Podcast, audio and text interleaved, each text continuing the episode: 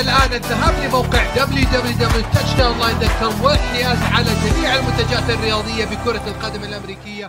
مرحبا عشاق الانفل يا هلا والله فيكم في حلقة جديدة من خط التاتش داون معكم عبد الرحمن الوجعان. في حلقة اليوم راح نتكلم عن المراكز راح نتكلم عن توزيع اللاعبين في المراكز وأدوارهم في هذه المراكز. وراح نتكلم بشكل شامل لكن مبسط جدا عن كيف تلعب رياضة كرة القدم الأمريكية. خلونا نشوف الآن المراكز الأساسية للاعبين في كرة القدم الأمريكية. وخلونا نبدأ في المراكز الهجومية. الوضع الطبيعي للفريق الهجومي هو 11 لاعب آه، خمسة منهم في خط الحماية ثلاثة أجنحة أو لاعبين ينطلقون لاستلام الكرة. لاعب quarterback أو الظهير الربعي أو اللاعب اللي يمرر الكرة يقف بجانبه. running back أو fullback أو خلفه بجانبه أو خلفه يقف running back أو fullback ال running back يسمى أحيانا halfback ولاعب tight end يقف بجانب خط الحماية. الطريقة هذه تسمى الطريقة اللي هي آه غالبا الآن موجودة في آه، في كرة القدم الأمريكية تسمى ال 11 personnel طيب خلونا نتعرف الآن عن مراكز اللاعبين الهجوميين. خلونا نبدأ في مركز ال quarterback أو الظهير الربعي اللي هو يعتبر ويقال عند الأغلب إنه أهم مركز للاعب في جميع الرياضات الجماعية. مهمته هي قيادة الهجوم عن طريق تمرير الكرة للاعبين المنطلقين أو تسليم الكرة للاعب الواقف بجانب ال running back أو الانطلاق بالكرة بنفسه.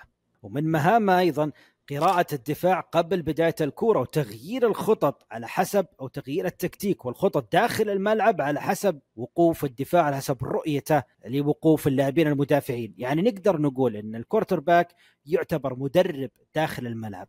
نيجي الآن لمركز ال running back ال running back هو لاعب أحيانا يسمى طبعا ال halfback وفي مركز ال fullback تقريبا مركز ال running back دائما طبعا أدوارهم تتشابه بشكل كبير وهو المركز هو اللاعب اللي يوقف بجانب ال- ال quarterback أو خلف ال quarterback ومهمته استلام الكرة من ال quarterback والاندفاع للحصول على الياردات. طبعا هذه تقريبا مهمته الأساسية لكن أيضا له له مهام مختلفة.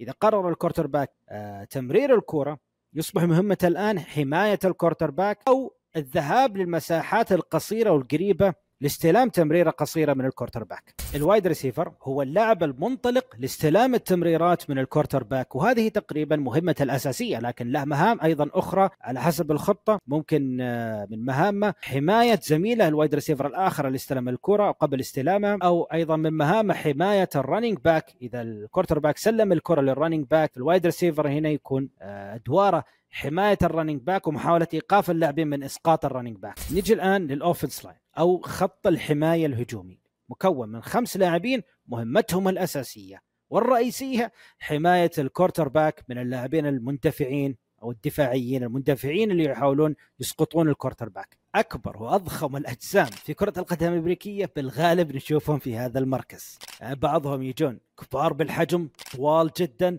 وبعضهم يجون ثقيلين جدا مكرشين حتى. ينقسم اللاعبين في هذا المركز لثلاث أقسام. السنتر الجارد والتاكل السنتر هو اللاعب اللي تبدأ معه اللعبة تبدأ معه المحاولة.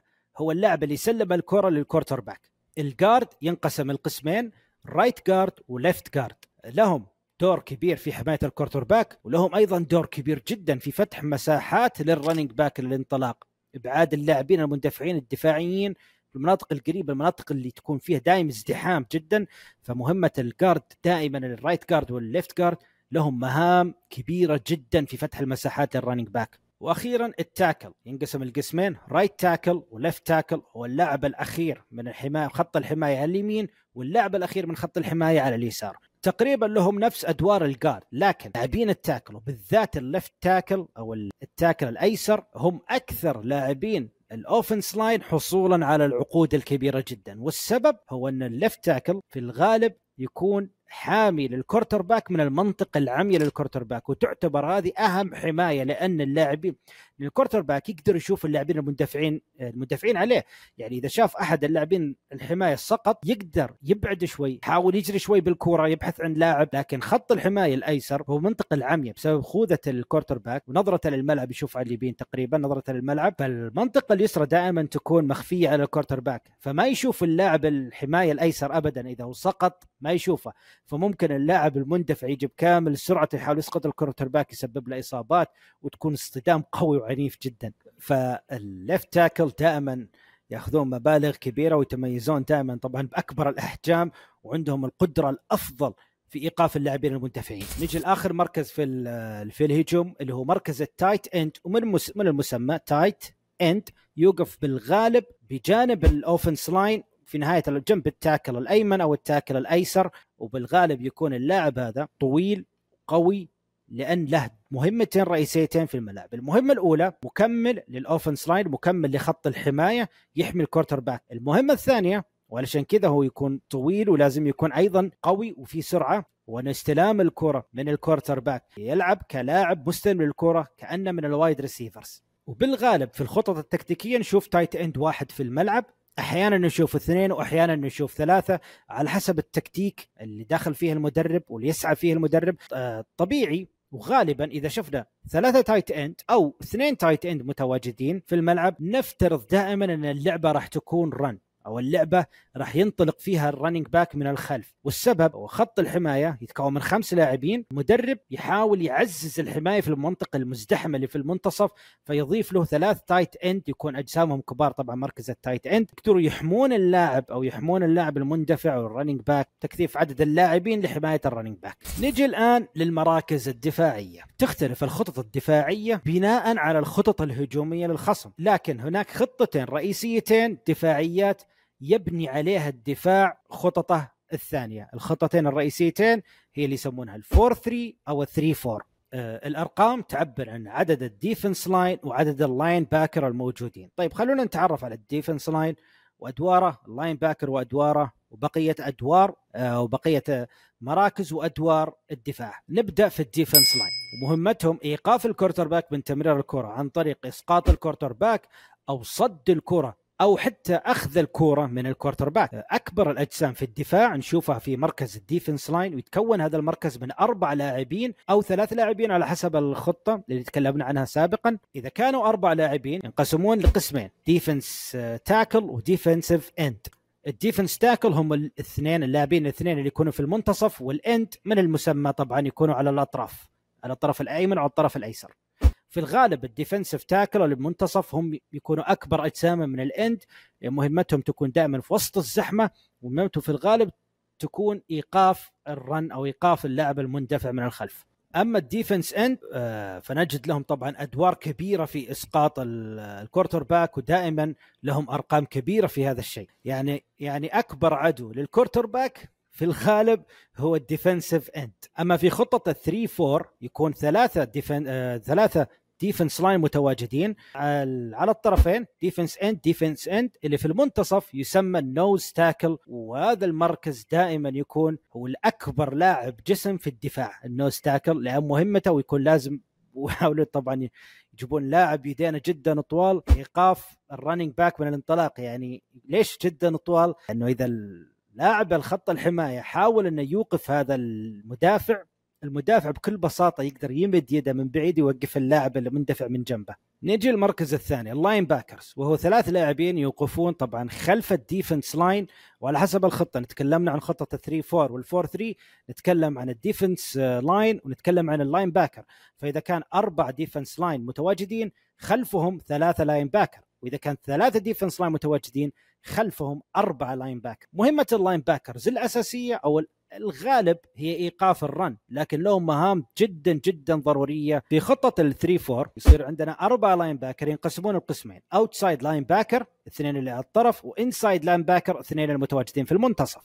ال inside linebacker مهمتهم في الغالب تكون إيقاف ال run أو إيقاف التمريرات القصيرة من ال quarterback إيقاف ال slot wide receiver ال wide receivers اللي يدفعون في المناطق القريبة أو إيقاف ال tight end في الغالب دائما نشوف مواجهات ما بين ال tight end وال linebackers أما ال outside linebacker في الغالب يطلق عليهم ال edge rushers هم لاعبين مكملين لل defense line الثلاثة. في الغالب نشوفهم طبعا flexible ممكن ينطلقون على ال quarterback وهذا الغالب اللي نشوفه كثير لاعبين مميزين في هذا المركز جدا أو ممكن يتراجعون ويحاولون يوقفون أي تمريره من ال quarterback أما في خطة ال four 3 والخطة الأشهر اللي اربعه defense line وثلاثة linebacker يتواجدون خلفهم فعندنا هنا ثلاث مراكز لل linebacker يطلق عليها مسمى ال middle linebacker strong linebacker وال weak linebacker ال middle linebacker مهمته الأساسية. ال middle linebacker يعتبر تقريبا هو quarterback الدفاع.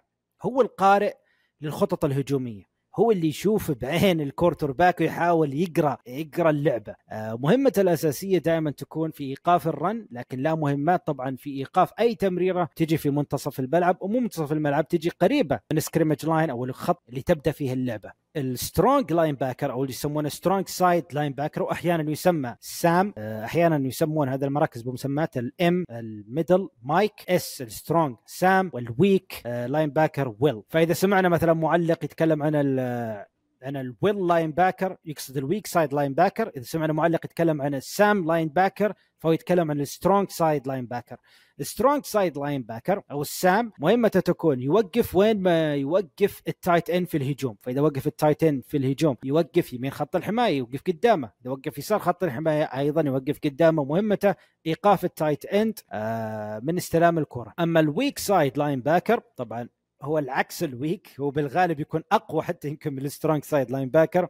وأغلب اللاعبين اللي يلعبون في يسمى أحيانا ال weak side ال edge rusher أيضا يكون مكمل أحيانا للأربع defense line اللي فيه لاعبين مميزين تام في هذا المركز. ونشوفهم الآن في ال NFL مهمتهم طبعا آه، إيقاف التمريرات من القصيرة أو والغالب هذا نشوف مهمتهم الاندفاع على ال quarterback. نجي الآن المركز ال cornerback وهو المركز أو اللاعب المسؤول عن إيقاف ال wide receivers أو اللاعبين المندفعين لاستلام الكرات من ال quarterback. دائما نشوف آه، ثنائيات ومواجهات كبيرة بين ال cornerback وال wide receiver.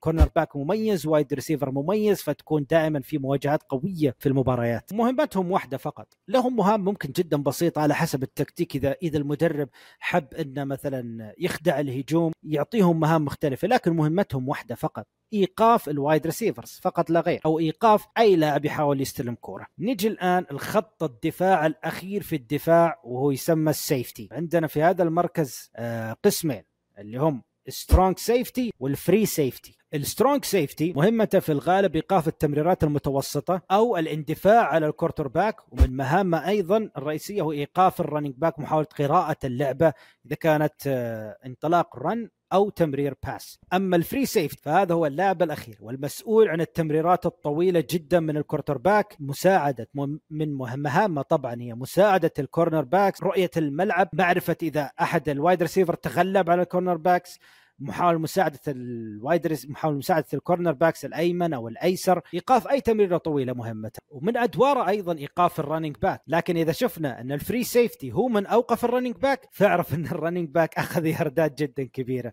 لأن ال free safety هو آخر مدافع في الملعب للدفاع. وإن شاء الله في هذه السلسلة القصيرة أكون ساعدتكم لو بشيء بسيط. طبعا الفهم ومعرفة هذه الرياضة لبعض الناس اللي يتابعونها طبعا وعارفين حاجات بسيطة. يمكن الآن شرح المراكز ساعدهم. بعض القوانين ما كانوا عارفينها تماما. إن شاء الله أنه طبعا الفيديو هذا ساعدكم. وأتمنى كنت خفيف عليكم ما كنت ثقيل عليكم إن شاء الله. وإذا حابين مثل هالنوع من الفيديوهات يعني رجاء ادعمونا واكتبوا لنا إذا حابين فيديوهات منوعة. إذا حابين أي فيديوهات ثانية سواء في شروحات تكتيكية إضافية ولا أي شيء ثاني. طبعا كنت معكم أنا عبد الرحمن الوجعان. يعطيكم العافية ونشوفكم على خير في خط التاتش داون.